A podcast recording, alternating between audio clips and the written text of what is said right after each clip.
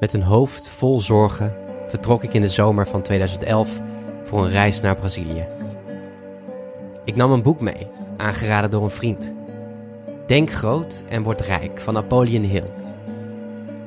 Het boek en de reis veranderden mijn denken en daardoor mijn leven. Meer hierover vind je in mijn boek Verlangen naar minder. Ik ben altijd nieuwsgierig gebleven naar verhalen van andere mensen. En dit was voor mij de aanleiding voor het starten van deze podcast. In de podcast Eén Boek interview ik mensen die net als ik een boek hebben gelezen dat hun leven veranderde. In de achtste aflevering praat ik met Melissa Marijnen over het boek The 4-Hour Workweek van Tim Ferriss. Nederlandse titel Een werkweek van 4 uur. Voor het verhaal van Melissa gaan we terug naar de jaren 80. Ik ben uh, geboren getogen in Amsterdam. Uh, kind van, uh, van eigenlijk een soort van hippie slash krakersouders. Heel links. En ik ben zelf ook heel idealistisch eigenlijk opgegroeid. Wel niet, niet geitwolle sokken, maar wel de wereld verbeteren. En dat was voor mij eigenlijk het, mijn idee was in de toekomst ga ik de wereld verbeteren. En in mijn hoofd ging ik dat doen bij Amnesty International. Dus zolang ik kon herinneren, wou ik eigenlijk uh, op die manier mensenrechten, mensen helpen. Ja. Heb, je broer, heb je broers en zussen? Nee, enigskind. Oké, dus jij, jij zat met je ouders en dat, jullie waren daar heel erg mee bezig met z'n drieën. Ja, ja, klopt. We waren heel erg bezig met z'n drieën. en dan als iemand, altijd zo erge herinnering, als iemand dan thuis kwam bij mij, weet je wel, een vriendinnetje die dan uh, niet eens wist wie Nelson Mandela was, dan waren wij echt helemaal... Nou, ik was helemaal flabbergasted. Wat Ken heftig. Niet? Dat je die niet kent, dat je dat niet meekrijgt. Heel, heel normatief, maar goed. Dat is de wereld waar ik in op was opgegroeid. Um, ja. En op een gegeven moment, nou ja, dan uh, wordt het de wereld steeds echter. Als in, je komt steeds meer in, ik kwam steeds meer in de realiteit. En uh, heb uiteindelijk een HBO-lerarenopleiding maatschappijleer gedaan. Uh, wat qua inhoud fantastisch was, maar ook qua praktijk eigenlijk allebei. Omdat ik dus eigenlijk voor een groep pubers mocht staan en mocht vertellen over mijn idealen op een bepaalde hoogte. Mm. Voor zover natuurlijk, je moet ook een bepaalde stof natuurlijk gewoon volgen, die uh, is opgegeven. En daar wrong het voor mij ook al heel snel. Dat ik dacht, oh, dit is veel te gekaderd, veel te bepaald. Um, ik ik pas niet in, uh, in, in deze vaste wereld van het onderwijs. Dus toen ging ik master politicologie doen, uh, internationale betrekkingen, weet je wel, om toch uiteindelijk echt bij Amnesty International terecht te komen. Ja, toch die droom. toch ja. die droom. en, um, en toen ik klaar was, was eigenlijk uh, de economische crisis echt uh, lekker ingeslagen in economie. We hebben het over 2010, toch? Nu? Zo rond 2010, klopt, ja. ja, ja. Um, echt iedereen wel inderdaad ehm, ja, mooie baan wou. Weet je wel, zingeving, voldoening in je baan was toen natuurlijk al een enorm thema. Mm-hmm. En uh, ik concurreerde met zoveel mensen. Dus het lukte mij niet. Heel bizar. Weet je wel, een soort van marktwerking in uh, idealistische banen. Het lukte mij gewoon niet om daar binnen te komen. Daardoor werd ik eigenlijk gedwongen om echt voor mezelf dingen te creëren. Uh, om, om eigenlijk op een gegeven moment was ik klaar met de, met de met politicologie. En ik had een, eh, scriptiebegeleider die 20 jaar ervaring had in lobbyen en fondsen werven in Brussel. En toen vroeg ik aan hem, hij zegt dat ik het hem eigenlijk heb verteld tijdens een koffie bij hem thuis. Dat ik uh, aan hem vroeg van, hey, wil jij niet trainingen geven hierin? En uh, hij zegt eigenlijk altijd, ja, Melissa vertelde mij dat we hier trainingen in gingen geven. maar dat is eigenlijk hoe mijn eerste business is gestart. Dus ik, dit is de start van ondernemen, mijn eigen, mijn eigen werk creëren. Begon met dus uh, deze man.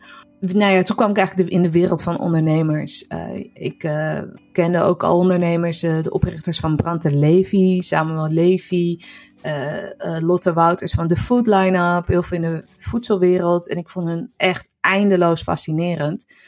Um, maar ze werkten keihard. En dat vond ik echt niks voor mij. dat vond ik echt niks voor mij. Nee. Ik, ik, ben best wel chill. Uh, als in, ik weet je wel, ga echt niet tot zeven of acht uur s avonds uh, op kantoor door. Uh, en de wereld waar ik in zat, dat waren wel ondernemers die keihard werkten. En daardoor ook wel echt succes boekten. Tenminste, dat was de logica die ik zag en die zij ook toepaste.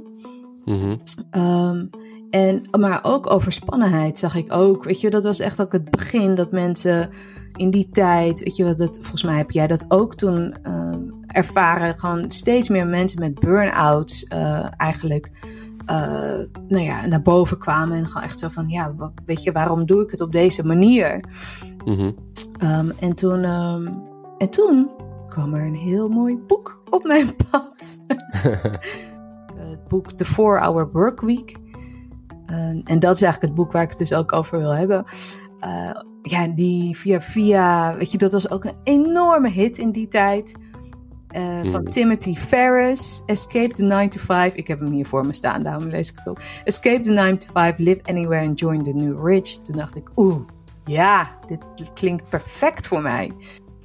Nou, dit boek gaat over dat uh, Timothy Ferris uh, omschrijft eigenlijk een manier van nou, het is eigenlijk heel simpel lifestyle design. Daar gaat het over. Dus in plaats van dat je nadenkt over um, welke baan of welke uh, business wil je hebben, denk je eerst na over hoe, leef, hoe wil ik leven.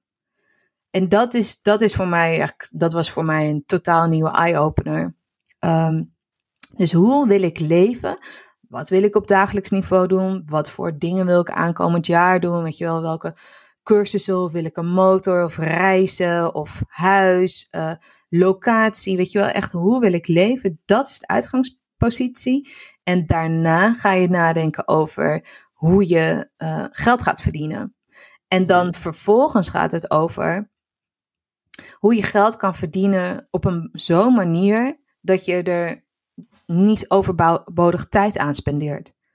Dus niet, weet je wel, gestoord veel werken, maar juist uh, super effectief werken. Niet efficiënt, dat wordt dat, maar effectief. Dat je gewoon echt je focust op de dingen die je moet doen om zoveel mogelijk resultaat te behalen.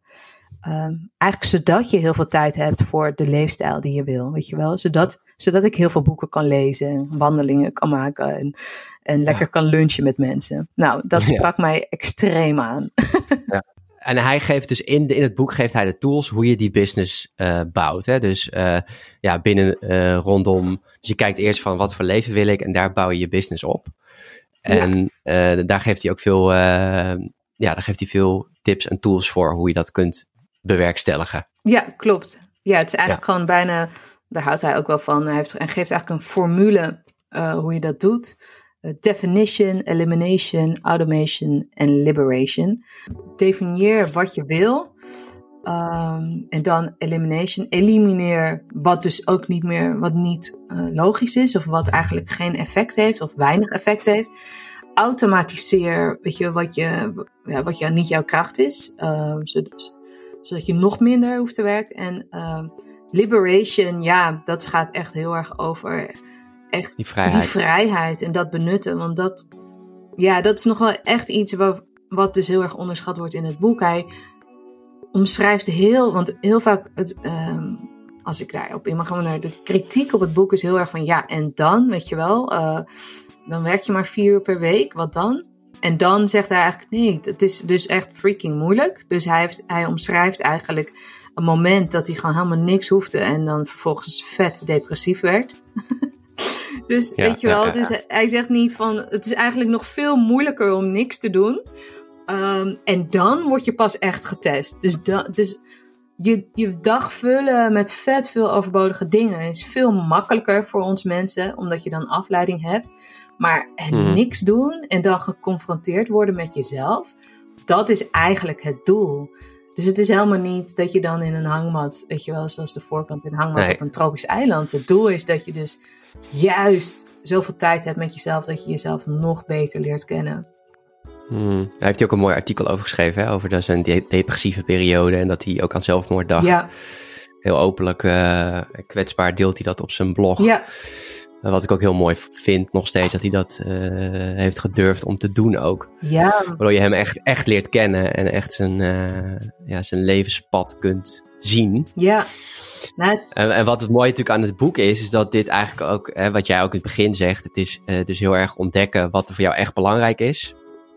Hè, dus definiëren, zelfkennis is daar heel belangrijk, uh, uh, belangrijk in. Uh, experimenteren, reflecteren op, op wat je wil. Vervolgens ook daarin gaan kiezen en dan alles elimineren wat daar niet bij helpt. Dus het is heel erg ook de, de boeken, een boek als Essentialisme van Greg McEwen, Essentialism origineel, gaat daar natuurlijk ook al heel erg over. Dus hij was eigenlijk een beetje de grondlegger van ja, het, het wat Cal Newport ook met deep work doet. Ja. Het heel erg, ja eerst ontdekken wat je wil, alles elimineren wat daar niet bij helpt, zoals afleidingen en, en, die natuurlijk nu alleen maar meer worden in deze tijd. Ja. Dus hij is eigenlijk ook de grondlegger van dat gedachtegoed ja. met dit boek. In 2007, Jelle, dat is bizar. Want er staat mm -hmm. gewoon de Low Information Diet. Weet je, iets wat volgens mij wij allebei heel erg aanhangen in de zin... Ja, ik kijk geen nieuws, ik kies heel erg, heel erg wie ik volg, weet je wel. En ik probeer steeds nog mm -hmm. meer te elimineren. En Um, voor mij was hij de eerste die een totaal nieuw paradigma schetste van een manier van leven die, uh, ja, waarin je zo proactief nadenkt over hoe je wil leven, wat je binnenlaat, met wie je leeft, uh, hoe je je geld verdient. Weet je, het is niet wat mm -hmm. ik daarvoor was, mijn soort van idealistische carrièrepad. En dan ga ik carrière maken bij NGO's. En andere mensen hebben dat misschien, weet je wel, in een bedrijfsleven of iets dergelijks. En door dit boek was het veel meer van nee, weet je wel, hoe wil ik leven? En, en vervolgens nadenken, ja. hoe kan ik daar dan, weet je, hoe kan ik dat bewerkstelligen? En één, één anekdote die hij deelt is dat als hij op een feestje is, dat hij dan altijd heel veel moeite had om te vertellen wat hij deed. Uh, omdat, uh, omdat mensen het gewoon nog niet begrepen.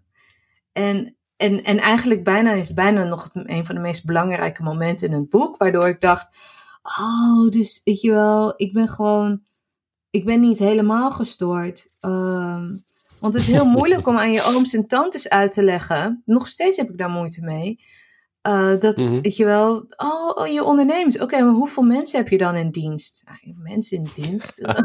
no, no, freaking way, weet je wel. Inmiddels heb ik dat wel eens geprobeerd. Nou, dat ga ik echt nooit meer doen. Um, nee. En dus het, weet je wel, dus het is een hele moeilijke iets om te begrijpen. Dus voor mij was het, mm -hmm. het feest van herkenning was voor mij ja. bijna nog belangrijker om soort van een soort van je mag er zijn en dit is echt helemaal prima om het op deze manier uit te vogelen. Uh, ja. Dat gaf mij heel veel vrijheid en rust. Ja, wat, wat jij dus ook dus zei over dat lui zijn, hè, dus dat je naast je werk lui kan zijn. Ik denk dat het nog wel heel belangrijk is om te zeggen dat je, eh, dat je, eh, dat, dat je werk hebt, maar dat natuurlijk dat niet uh, je hele leven besla hoeft te beslaan. En dat, dat er nog heel veel andere dingen ook heel belangrijk zijn, zoals ja, je, je gezondheid, de mensen om je heen.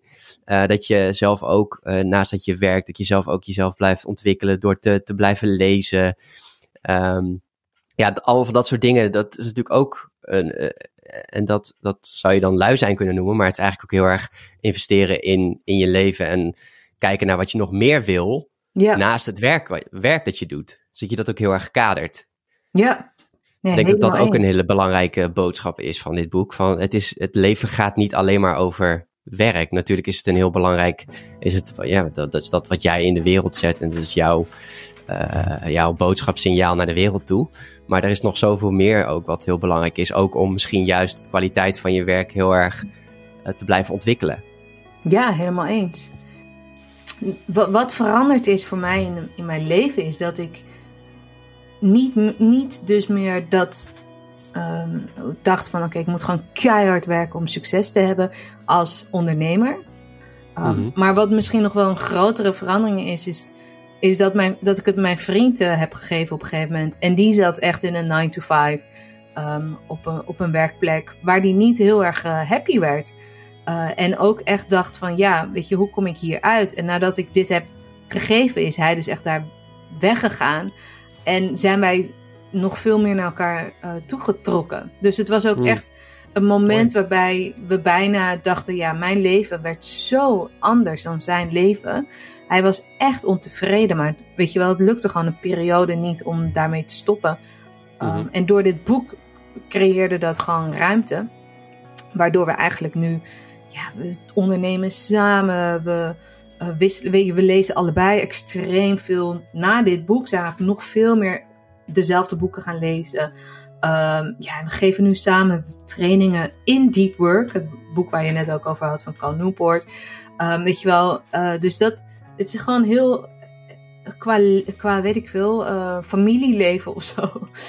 Uh, en ook, we hebben nu een zoontje van, van, van tien maanden. En we hebben zo dezelfde ideeën over hoe we willen leven. En dat veel meer, dus hoe we willen leven en dan pas het geld in plaats van andersom. Ja, ik heb hem gewoon laatst opnieuw gelezen in het Nederlands, waardoor die nog meer, nog beter aankwam. En um, ja, het, is, het is gewoon, denk ik, een um, uh, onderschat boek vaak nog. En kan je leven echt veranderen? Dat is mijn idee. Omdat we ja. nog steeds in een wereld leven waarvan we eigenlijk, weet je wel, vaak voor zekerheid, valse zekerheid gaan. Vooral in deze tijd dat je denkt, ja, ik moet een carrière, ik moet een baan, want straks, weet je wel. Terwijl ik denk, nee, bouw juist iets op je, voor jezelf op. Uh, dus voor mij is het ook wel een soort van oproep om echt te kiezen voor jezelf en voor je leefstijl. Want uh, in onze wereld, en dat is het fijne van onze wereld, is er genoeg welvaart. Dus je kan echt ook andere alternatieven kiezen. Uh, dit is echt een, gewoon echt een classic Tim Ferriss formule. Als je expert in, iemand, in iets wil worden, er zijn er mm-hmm. drie stappen. Mm-hmm. Nou, je, je koopt eigenlijk alle boeken. dat vind ik natuurlijk al fantastisch. Alle boeken op dat thema. De, de, be, de beste boeken. Zeg mm. tien beste boeken van dat thema. Daar maak je een presentatie over. Uh, dan mm. vervolgens geef je die op drie universiteiten als gastcollege. Dan mm. um, zeg je naar drie andere grote bedrijven: hey, mag ik ook bij jullie dat doen? Want ik heb het bij die universiteiten en die studenten vonden het helemaal fantastisch. Was het ook voor jullie werknemers? Nou, dan heb je vervolgens en drie universiteiten waar je het hebt ge, kan je op je website zetten. En drie corporates bij wijze van. Dat kan je op je website zetten. En dan, nou ja, geheid dat mensen dan denken: yes, je bent expert. dat vind ik een hele typische ja. Tim Ferriss hack. Waar ik echt denk van. Ja, dat, van mij mogen mensen dat durven. In plaats van in een wereld dat je een papiertje nodig hebt. Ik, nee man, als jij de tien beste boeken hebt gelezen en dat ook nog eens heel goed weet te vertellen. Uh, ja, dan uh, go for it. Melissa is een echte non-fictie boekenliefhebber, net als ik. Ze heeft ook een eigen boekenclub. Als je benieuwd bent, kijk dan op @instaboekenclub op Instagram. Wat een boek goed maakt, is dat we het lezen op het voor ons juiste moment. Een boek kan naar ons luisteren, ons begrijpen en dan vertellen: je mag er zijn zoals je bent. Melissa, bedankt voor je verhaal.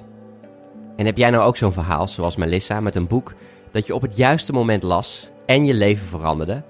En lijkt het je leuk om dat in deze podcast te vertellen? Ga naar growthinkers.nl slash een boek en vul de survey in. Bedankt voor het luisteren en tot de volgende aflevering van 1 Boek.